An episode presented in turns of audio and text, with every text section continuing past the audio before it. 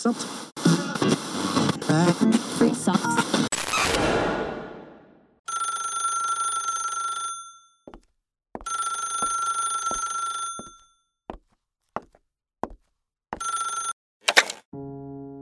Hey, halo semuanya. Lu semua lagi dengerin gua Giri Ardian dan di podcast ke-50 ini eh gua nggak sendirian karena sekarang lagi sama Bang Eri. Hey guys, This is my boss, bro. Because he is my boss and he is my bro now. not your boss, your coworker. Rekan kerja lah. Iya. Dan Bang Erik nih, eh oh enggak, gini ceritanya. Eh, last week mungkin ya, eh, minggu lalu kita udah mulai ngebahas. Ada, jadi ada program baru di Connect Lampung. Tiap hari Kamis kita ngebahas soal keuangan. Eh, namanya Money Matter. Betul. karena karena emang dalam dalam hidup kita ngomong-ngomongin soal duit apalagi di Indonesia juga sama kayak ngomongin soal relationship masih tabu gitu Mm-mm. jadi waktu kemarin connect uh, uh, apa ada ada kegiatan ini Giri kayak wah ini beruntung ya orang masuk connect karena menurut Giri kayak eh, kita tuh diimprove untuk jadi orang yang lebih baik nggak nggak cuman dengan bahasa Inggris tapi dengan kegiatan-kegiatan lain jadi kayak kita ngomongin hal yang tabu macam uang bonusnya dengan bahasa Inggris Amin. Amin. Ya, memang harapannya begitulah supaya menolong dalam kehidupan secara menyeluruh kita. Ya dan dan menurut Gary hari ini kita perlu juga bahas ini karena emang keuangan dalam hubungan juga nggak nggak kalah penting gitu kan. Betul. Apalagi kalau misalnya emang hubungannya udah mau serius. Mm-mm. Bang Erik pikir eh, kalau dari skala dulu deh 1 sampai 10 seberapa penting ngomongin finansial dalam hubungan? Uh, kalau sudah jadi nikah itu ya 10 lah.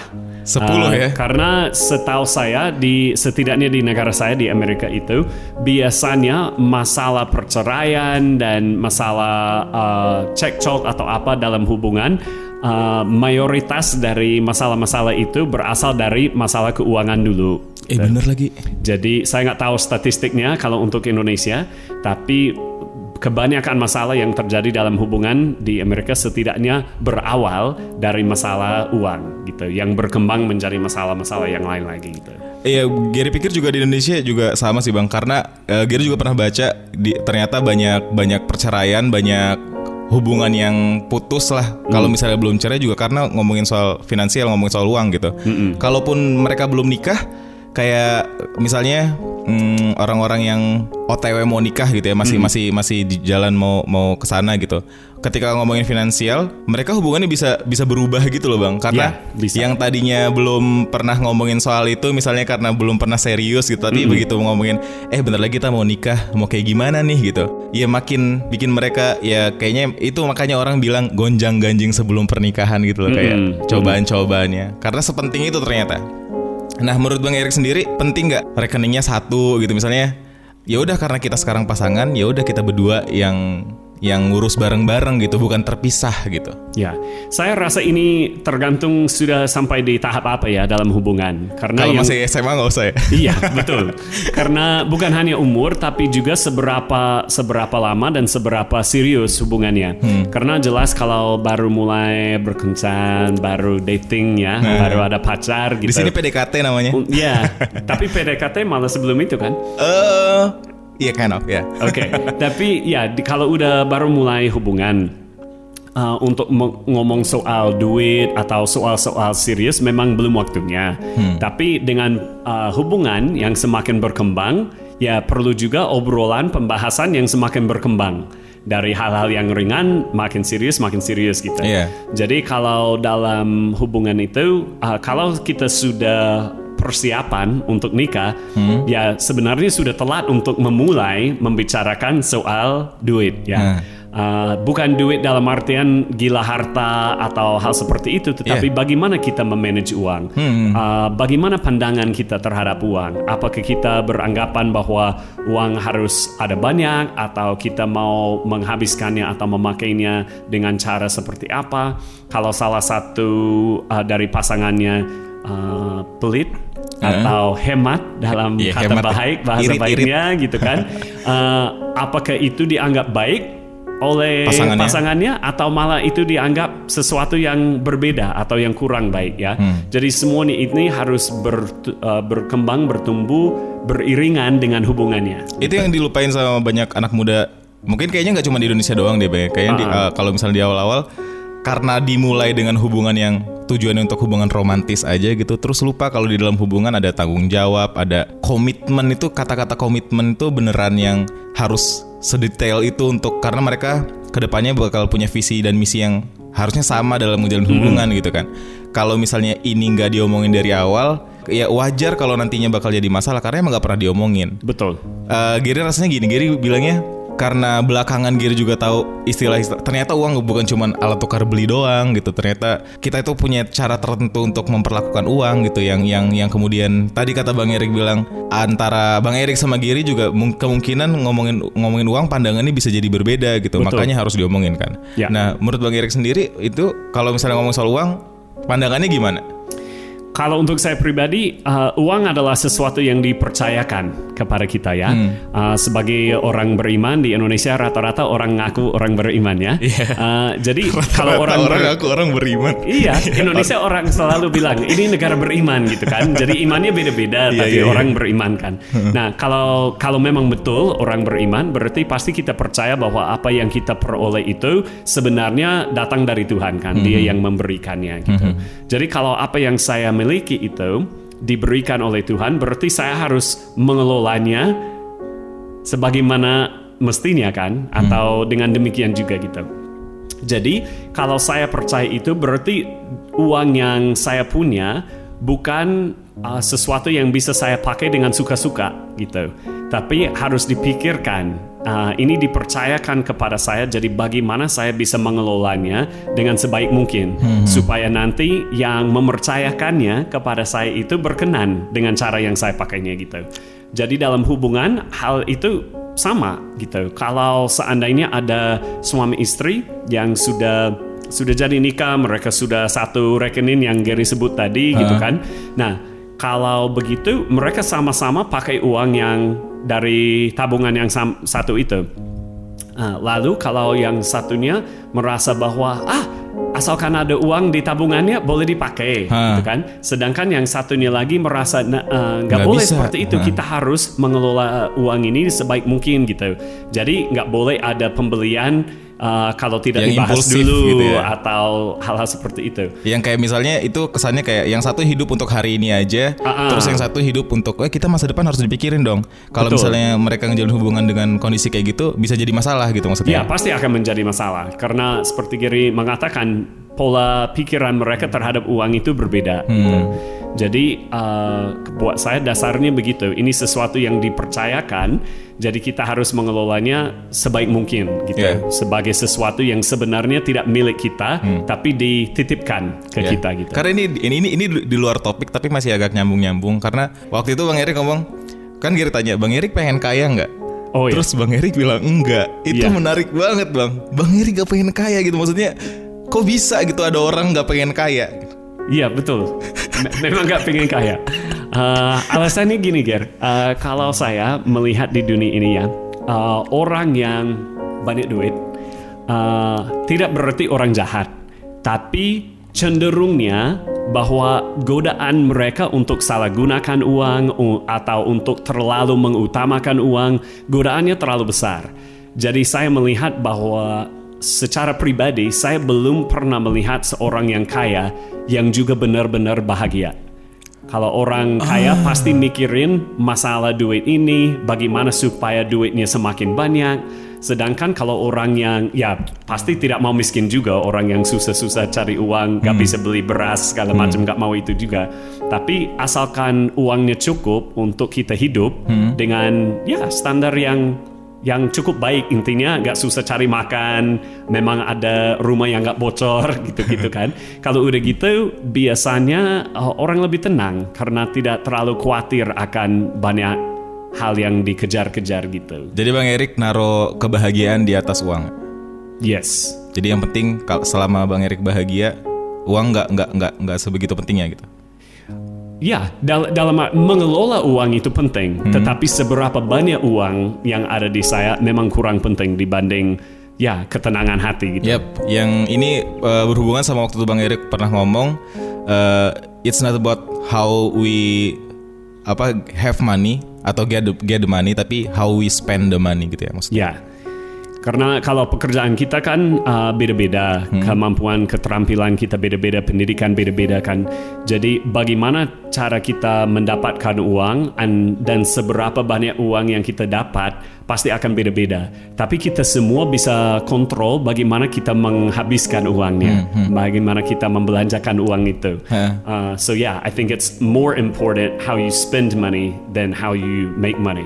Oke. Tentunya dengan cara yang halal kita mendapatkan uangnya. Tetapi maksudnya apa kita pekerjaan ini, pekerjaan itu, uh, gaji besar, gaji yang sedang atau gaji yang kecil, jauh lebih penting adalah bagaimana kita membelanjakan uang itu. Ya ini penting eh, ini jadi obrolan kemarin sama ngomongin nikah, ngomongin hidup sama Sally kemarin ngomongin soal uang juga gitu.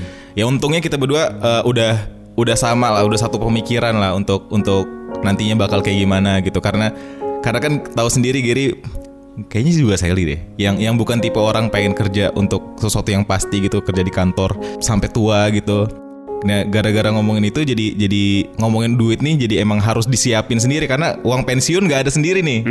Jadi kita harus nyiapin dana pensiun sendiri Iya. gitu kan harus ngomongin eh, dana darurat gitu-gitu kan. Nah, selama ini menurut Gary banyak teman-teman i- Gary berkaca dari teman-teman sendiri aja deh gitu kayak misalnya banyak orang yang cuman taunya dalam satu bulan ya berapa duit yang masuk, berapa duit yang keluar gitu. Sedangkan kalau misalnya Gary ngobrol sama mereka banyak yang ternyata wah enggak nih sebenarnya kondisi keuangan dia ini lagi buruk banget gitu. Lagi lagi yo boro-boro bisa boro-boro bisa nikah deh gitu. Boro-boro bisa ngejalin hubungan sama seseorang ngebiayain keluarganya nanti gitu. Kalau misalnya kayak gini mulu nih nggak bisa nih gitu. Nah menurut bang Erik apa aja sih ciri-cirinya keuangan seseorang tuh bagus gitu? Atau gimana cara ngeluarin duit dengan bijak gitu Ya, yang pertama kalau mereka tahu status keuangan mereka kan, uh, saya bertemu dengan banyak teman di sini yang kalau ditanya gajinya berapa dia pasti tahu. Pasti Tapi tahu. kalau kalau ditanya uh, pengeluaran bulan kemarin itu berapa, nggak ada yang tahu. ya, jadi kalau nggak tahu kalau tuh. kita memang nggak nggak tracking, nggak mencatat. Uh, pemasukan dan pengeluaran, berarti kita nggak akan pernah bisa mengelola uang itu dengan baik karena kita tidak tahu berapa banyak yang keluar. Benar. Jadi uh, kalau kembali ke statementnya tadi bahwa cara yang kita membelanjakannya lebih penting daripada cara kita mendapatkannya. Uh, kalau kita tidak tahu pengeluarannya, ya berarti hal yang lebih penting justru kita tidak tahu, ti- tidak sadari ya. So we have to be able to figure that out. Jadi yang terutama, uh, ciri-ciri yang utama pasti adalah orang yang mencatat atau yang mencari tahu ya pengeluarannya gimana. Nah pastinya kalau keuangan sudah stabil, mungkin tidak mesti catat setiap rupiah gitu kan. Tapi buat kita kita yang masih muda, yang memang kehidupan finansialnya belum begitu stabil, ya setiap rupiah pun perlu dicatat setidaknya selama beberapa bulan sampai melihat trennya. Nah, Kalau karena kita ada teman Gary yang dalam satu bulan untuk ngopi aja dia habis satu juta setengah, dua Waduh. juta buat kopi doang.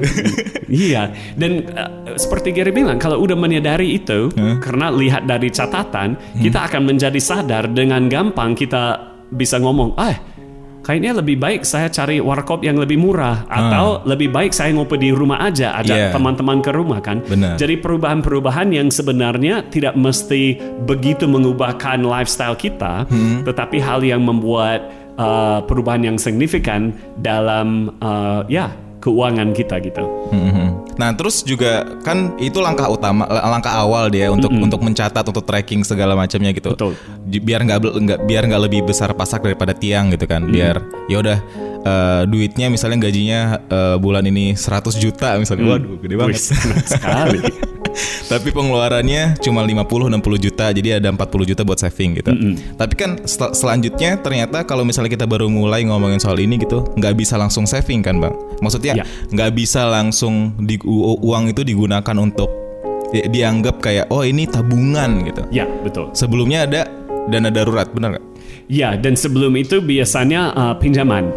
Jadi yang yang pernah saya pelajari dan alami sendiri bahwa hal yang akan membuat perubahan terbesar dalam kehidupan finansial kita adalah kalau tidak ada utang. Ya, benar sih. Jadi dan, dan hutang ini bukan hanya berarti hutang dari bank atau hutang saya pernah pinjam dari teman saya, tapi termasuk juga cicilan. Karena cicilan semacam hutang. Ibarat kita bertanggung jawab untuk bayar itu. Tiap Padahal, bulannya, iya. uh-uh. jadi kalau cicil motor, cicil rumah, cicil ini, cicil itu gitu. Jadi uh, strategi, strategi pertama dan yang paling penting adalah komitmen untuk tidak berhutang. Selain mungkin untuk rumah, karena jarang ada orang yang bisa nabung cukup untuk beli rumah dengan bayar cash kan. Iya. Tapi untuk motor bisa. Uh, banyak orang yang telah membuktikan. Jadi Benar. uh, tip yang pertama ya jangan beli apa-apa Sampai kita kredit. beneran bisa kita beneran bisa mencapai itu dengan uang cash gitu kan. Betul. Yang ngomong ini lupa siapa? Katanya kalau kita nggak bisa beli itu dua kali, berarti kita nggak mampu beli itu. Uh-uh. Jadi kalau misalnya belum mampu ya jangan jangan beli dulu deh mendingan gitu. Iya, betul. Dan apa uh, kalau cari-cari di internet sumber-sumbernya kan uh, ibarat tolak ukurnya kan pasti beda-beda, harus ada berapa berapa berapa kan. Tapi rata-rata memang setuju bahwa kalau soal hutang itu itu yang apa yang paling parah gitu. Terus yang kedua yang Giri sebut tadi adalah orang darurat itu. Orang darurat, dana darurat, Iya, u- uang uang darurat. Iya. Oke. Tadi Bang Erik ngomongnya urang. nyangkut. Iya oke. Uh, jadi uang darurat itu atau apa dana darurat itu karena uh, kita semua mengalami hal-hal yang tak terduga Benar. dalam kehidupan. Nah, kayak pandemi ini aja tiba-tiba langsung. Iya betul. Jadi ada pandemi, ada keluarga yang jadi sakit, kita yang jadi sakit, ada kecelakaan motor, segala macam kan. Hal apa saja bisa terjadi. Jadi kalau kita tidak punya uang yang sudah disimpan, uh, ditabung untuk masalah-masalah seperti itu, berarti otomatis ketika apa-apa terjadi yang tak terduga, kita akan berhutang. Iya, kita harus ngutang jadinya. Uh-uh. Dan itu yang terutama yang tidak mau kita lakukan gitu. Jadi, Giri, pi- jadi Giri bilangnya gini, kalau kita hari ini belum punya dana darurat, itu anggapannya Giri bilangnya masih bangkrut. Iya. I- ibaratnya masih ya udah lu masih di bawah garis kemiskinan tuh. Betul. Jadi uh, pertanyaannya seberapa banyak uang darurat yang Iya. kita perlukan. Nah, uh, memang standarnya agak beda-beda tergantung kita ngobrol sama siapa, tapi standarnya pada umumnya 3 sampai 6 bulan dari, Dari? biaya hidup ya atau pengeluaran kita. Nah, kalau Jadi- kita kalau kita masih harus menanggung rumah berarti biaya hidup kita sekaligus biaya hidup rumah tiap bulannya gitu kan. Iya, karena iuran sudah termasuk itu gitu. Mhm. Jadi uh, artinya kalau ada sesuatu yang terjadi sehingga kita tidak bisa bekerja, Bekerja, selama tiga bulan, berarti tidak ada uang yang masuk, tapi tetap ada pengeluaran, Hmm. ya. Maka disarankan supaya 3 sampai 6 bulan. Hmm. Uh, biasanya itu standar untuk orang single Hmm. uh, dan juga orang uh, kayak usaha kecil gitu. Tapi kalau sudah berkeluarga Uh, biasanya Beda- naik beda lagi karena lebih banyak orang yang nanti harus dijaga dengan Hmm. uang yang ada gitu. Jadi ya setelah dana darurat baru kita ngomongin soal investasi gitu kan. Ya betul, Kalau itu nggak ada jangan jangan merasa udah investasi dulu. betul, betul. Hmm, Karena sekali lagi kalau invest uh, uang itu walaupun seben- sebenarnya kita ada uang, tapi contohnya beli tanah, Hmm. gitu kan. Lalu kalau ada darurat Ya emang tanah itu bisa dipakai untuk mengobati, nggak bisa kan? Harus dijual dulu. Dijual dulu. Nah, Nggak bagaimana kalau gitu ya? Ah, ah, bagaimana kalau nggak ada orang yang mau beli pada saat itu? Kita jual murah, kita rugi. Rugi banget Kita nggak jual, nggak bisa diobati gitu kan? Iya. Jadi uh, Di sini namanya j- orang jual kayak gitu jual BU. Tau nggak bang? nggak BU. Iya BU. Jual jual butuh uang. Oh gitu. Baiklah. Tapi ya kalau dalam bahasa Inggris biasanya yang uh, yang dalam bentuk seperti itu kami sebut uh, harta beku. Dalam Ah. artian uh, tidak tidak cair, Tidak yang langsung harta cair. cair. yang bentuk tunai, yang bisa langsung dipakai. Hmm. Kalau yang beku, yang frozen gitu, artinya itu sesuatu yang sedang dipakai Hmm. uh, untuk yang lain. Jadi walaupun itu aset bagi kita, itu bukan aset yang bisa diuangkan Hmm. seketika juga gitu. Yep. Oke. Terus kalau misalnya ngomongin soal nikah, eh by the way Bang Erik bentar lagi nikah guys. Doain ya. Iya. Semoga lancar. Siap. Terus apa namanya? eh, menurut Gary kan kita nanti waktu nikah bakal orang ini beda-beda ngom- ngomongin soal keuangan dirinya sendiri sama pasangannya masing-masing gitu pas nikah gitu. Gary Gary tadi bilang sama Bang Erik kalau Gary nganggepnya orang itu kalau misalnya baru nikah kayak dua lingkaran yang akhirnya ketemu irisan di tengah gitu loh. Mereka mereka mau nggak mau harus nyatu gitu. Nah menurut Bang Erik apa aja yang perlu yang perlu dilakukan soal finansial ketika sudah berkeluarga. Oke. Nah, kalau sudah sudah nikah, sudah berkeluarga itu menurut saya memang sangat amat penting bahwa rekeningnya jadi satu atau Ah. jadi rekening bersama maksudnya. Uh, bukan berarti nggak boleh lebih dari satu rekening, tapi Hmm. bahwa semua rekening yang ada adalah atas nama kita berdua. Hmm. Uh, karena beberapa alasan yang terutama karena itu tanda bahwa komitmen antara dua orang ini sungguh-sungguh nyata. Mereka Yeah. tidak ada rencana kabur atau pisah di kemudian hari, tetapi memang kehidupan mereka sudah sudah komit sama yang satu ini lagi. Kalau udah nikah ya mereka emang udah mau ya udah gimana caranya kita mengelola ini sampai mati gitu sampai Betul. sampai akhir hayat gitu kan. Betul. Jadi nggak ada al- alasan buat kabur. Betul.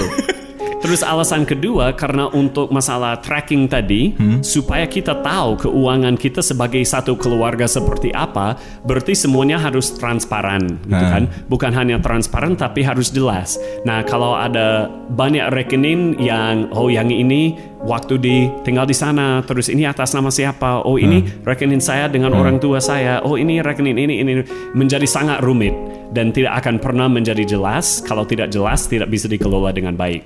Yep. Jadi kalau kita hanya ada satu rekening atau ya sedikit rekeningnya dan semuanya atas nama kita berdua, berarti dengan mudah kita bisa nge-tracking dan juga budgeting untuk planningnya karena kita bisa tahu statusnya seperti apa gitu. Iya, semoga eh jadinya terhindar juga yang tipe-tipe tiba-tiba di rumah udah ada PS5 suaminya beli terus istrinya marah-marah gitu ya. betul, betul.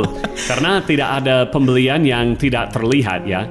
Walaupun menurut saya masih lebih baik uh, bahwa ada diskusi antara suami istri itu dengan pembelian sebesar apa atau pengeluaran lebih tepatnya pengeluaran sebesar apa harus diomongin dulu ya komitmen antara mereka berdua kalau mau belanjakan sesuatu yang lebih dari sekian uh, ribu rupiah uh, tidak akan dibeli sebelum ngomong gitu Iya. Uh, supaya menghindar hal-hal seperti Gary bilang ya. Iya. Tetapi dengan mereka menyepakati angka itu berapa, tidak juga ada yang merasa di Kekang. apa? Ya, ditekan bahwa, eh saya mau beli apa? Beli kopi aja harus minta uang gitu kan. Jadi jangan sampai seperti itu ya. Iya, iya, iya. Uh, jadi kita dalam hubungan perlu kebebasan, tapi perlu juga saling menjaga gitu. Jadi dengan menyepakati angka itu akan menolong supaya tidak uh, menimbulkan masalah antara Iya. uh, pasangannya gitu. Giri sih ngelihatnya ini kayak kalau misalnya beneran bisa diterapin gitu, wah beruntung banget gitu ada di hubungan itu gitu. Karena kalau misalnya ini aja nggak bisa jadi bahan obrolan berdua, kayak jadinya apa yang dijalanin selama ini sebenarnya gitu. Karena ini yang penting loh gitu. Apalagi kalau misalnya udah berkeluarga terus punya anak, mikirin itu semua aja udah. Makanya oh Gary kadang bukannya nggak setuju nikah muda, tapi kalau misalnya mau nikah muda emang udah sesiap itu Ya, gitu aja kalau misalnya emang udah sesiap itu ya udah boleh cuman kalau misalnya yang begini aja masih belum bisa diomongin baik-baik ya co- coba dipikir dulu karena nikah nggak cuman nggak cuman Gary suka sama dia dia suka sama Gary terus ayo kita nikah kita Betul. bangun bahtera rumah tangga gitu. Tapi kan di dalamnya ada tanggung jawab tanggung jawab yang kalau misalnya jadi buruk nggak cuman ngerugiin kita tapi ngerugiin dia bahkan keluarganya gitu kan. Kita kalau misalnya nikah nggak cuman nikahin dia tapi nikahin keluarganya juga gitu. Bakal bakal merusak keluarga orang. Itu kayak tanggung jawabnya nggak nggak nggak remeh. Ya, nggak remeh. Jadi ya betul. Apalagi kalau kita sendiri udah punya anak, gitu kan? iya Iya, apalagi ut- ya anak utama lah pokoknya kan. Terus jadinya Giri rasa masih banyak pasangan yang belum nikah nggak menyatukan rekening mereka karena mereka masih kayak ya udah lihat dulu nih hubungannya bakal berjalan lancar apa enggak sebenarnya gitu. Mm-mm. Itu itu boleh-boleh aja kan?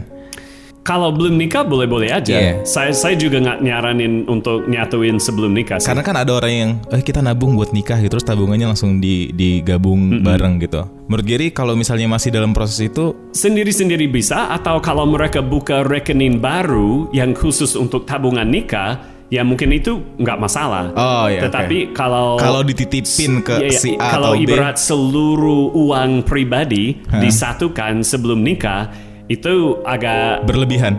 Iya, dan sedikit menakutkan karena nanti kalau mereka pisah, Hmm. kalau nggak jadi nikah nanti karena suatu alasan apa saja, uh, terus pasti ada yang nuntut, iya ini duit saya, ini duit saya kan, jadi akan menimbulkan masalah yang lebih besar lagi. Hmm. Iya. Tapi kalau mereka sama-sama menabung untuk nikah, jadi ada rekening khusus untuk persiapan nikah itu, ya udah dibelah 50-50 lah, Ah. jadi nggak nggak terlalu memusingkan. Tapi lain kalau masalah, oh ini gaji saya sekian, sedangkan gaji dia sekian gitu. Jadi ya, kalau untuk benar-benar menyatukan seluruh keuangan kita, menurut saya lebih baik nunggu sampai udah jadi nikah, udah satu keluarga. Tapi Benar. kalau mau buka rekening khusus untuk persiapan bayarin pernikahannya, ya silakan saja gitu. Iya, karena kan kultur di Indonesia juga beda-beda. Ada yang ada yang kalau pasangan eh, mau nikah bayar bayar ya me- mereka yang bayar, tapi ada yang dibayarin keluarganya gitu-gitu Ya, kan. Jadi makanya balik lagi ke ke masing-masing orangnya Hmm. ngejalaninnya gimana. Tapi coba dipikirin matang-matang aja kira-kira keputusan yang udah diambil selama ini itu udah tepat atau belum gitu Ya, kan. betul. Karena penting banget ngomongin hubungan bukan cuma soal perasaan doang, kayak perasaan Ya. aja nggak cukup. Jadi ya eh, hal-hal kayak gini nggak boleh dilewatin gitu. Betul. Dan apa salah satu yang saya bicarakan dengan tunangan saya kemarin itu kan? Cit, tunangan. Ih, Enak disebut ya. Kayak kayaknya di mulut kayak manis betul ya. Eh, My fiance gitu. tapi beneran yang salah satu yang dibahas beberapa hari beberapa minggu sebenarnya lalu Hmm. em, masalah bagaimana cara kita memberi ya kita nggak mau Hmm. Bagaimana cara kita memberi? Ah, kita nggak mau jadi orang yang pelit kan, yang pas ada orang minta tolong apa, minta tolong apa, kita apa? Oh, ini uang ini untuk hal ini nggak bisa dipakai, nggak boleh di apa, nggak boleh diberikan atau bagaimana. Tetapi ada orang yang ah, maaf kata yang royal benar, em, temannya minta tolong dia kasih banyak sekali gitu Iya, kan. royal. Ada orang lain yang selalu mikirin ya, tapi saya harus jaga-jaga bagaimana kalau butuh uang ini di esok hari ya oh, uang darurat tadi kan. Jadi kadang dalam hubungan itu juga menjadi masalah. Yang satunya menjadi nggak enak hati karena pasangannya terlalu muda untuk memberi uang, sedangkan dia sendiri lebih mau jaga-jaga Iya. atau sebaliknya gitu. Jadi masalah duit bukan hanya soal bagaimana kita secara logistik menabung bersama atau rekening terpisah, tetapi sekali lagi pandangan terhadap semua hal yang berhubungan dengan uang gitu. Kapan seberapa banyak uh, dengan ya bagaimana kita mau mengeluarkannya, bagaimana kita mau membelanjakannya gitu. Iya, iya, itu penting banget. Ya ngarepnya sih setelah setelah dengar podcast ini, ini cuma jalan pembuka doang gitu untuk akhirnya orang mulai juga eh, terbuka soal ngomongin soal keuangan yang di Indonesia juga masih bisa dibilang tabu. Udah ngomongin soal hubungan tabu, ngomongin keuangan tabu gitu. Jadi kayak tugas kita berat juga nih ternyata eh, ngelakuin ini semua gitu. Good newsnya semua yang umur 20-an di Indonesia rata-rata ngalamin hal yang sama jadi nggak sendirian. Betul. jadi nggak sendirian kita belajar bareng aja gitu. Yang penting kita harus aware dari sekarang uh, kalau hal ini juga perlu diobrolin gitu. Habis ini mulai cari-cari investasi apa yang cocok buat kalian terus gimana mengelola uang mu- mulai download aplikasi yang berhubungan sama financial planner atau ya keuangan lah segalanya. Kalau misalnya kamu di Bandar Lampung join Connect Lampung itu udah pasti udah udah banyak untungnya lah ibaratnya gitu Mantap, boleh sekali. We're always happy to have new friends. Yes. Ya kayak Giri bilang baru kayak bilang dari awal kita ngimprove juga diri kita yang lebih baik itu yang itu yang jadi utama yang juga jadi core value-nya connect jadi ya cobain masuk sini kalau misalnya mau. Makasih Bang Erik udah ngobrolin ini. Sama-sama. Penting banget. Jangan ya, kalau misalnya mau nanya-nanya sama Bang Erik boleh ke Instagramnya aja Indo Erik 1 atau Connect Lampung kalau misalnya mau tanya-tanya Eh, biar bisa lebih sering ngobrol sama Bang Erik karena Giri sendiri ngerasa ini ini salah satu pertemuan Giri yang sangat berguna buat Giri gitu karena Giri dapat banyak pelajaran dari Bang Erik selama ini. Saya selalu senang ngobrol sama Giri juga. selalu mengerti, eh, menolong saya untuk mengerti hal-hal yang mungkin sebelumnya nggak saya paham ya. Iya. Apalagi hari ini gitu. Apa yang hari ini yang baru eh, yang, baru paham? yang soal nasi tadi. Soal nasi. Tadi saya belajar ada masalah gizi dan ilmu dari Gary berhubung soal nasi. Kalau ingin tahu rahasianya seperti apa, nanti bisa hubungi at Gary Ardian gitu. ya itu di luar bahasan ini tapi seru sih tadi ngomongin soal nasi guys. Oke bye terima kasih Bang Erik. Sama-sama. Bye Terima kasih everyone. juga. Ya.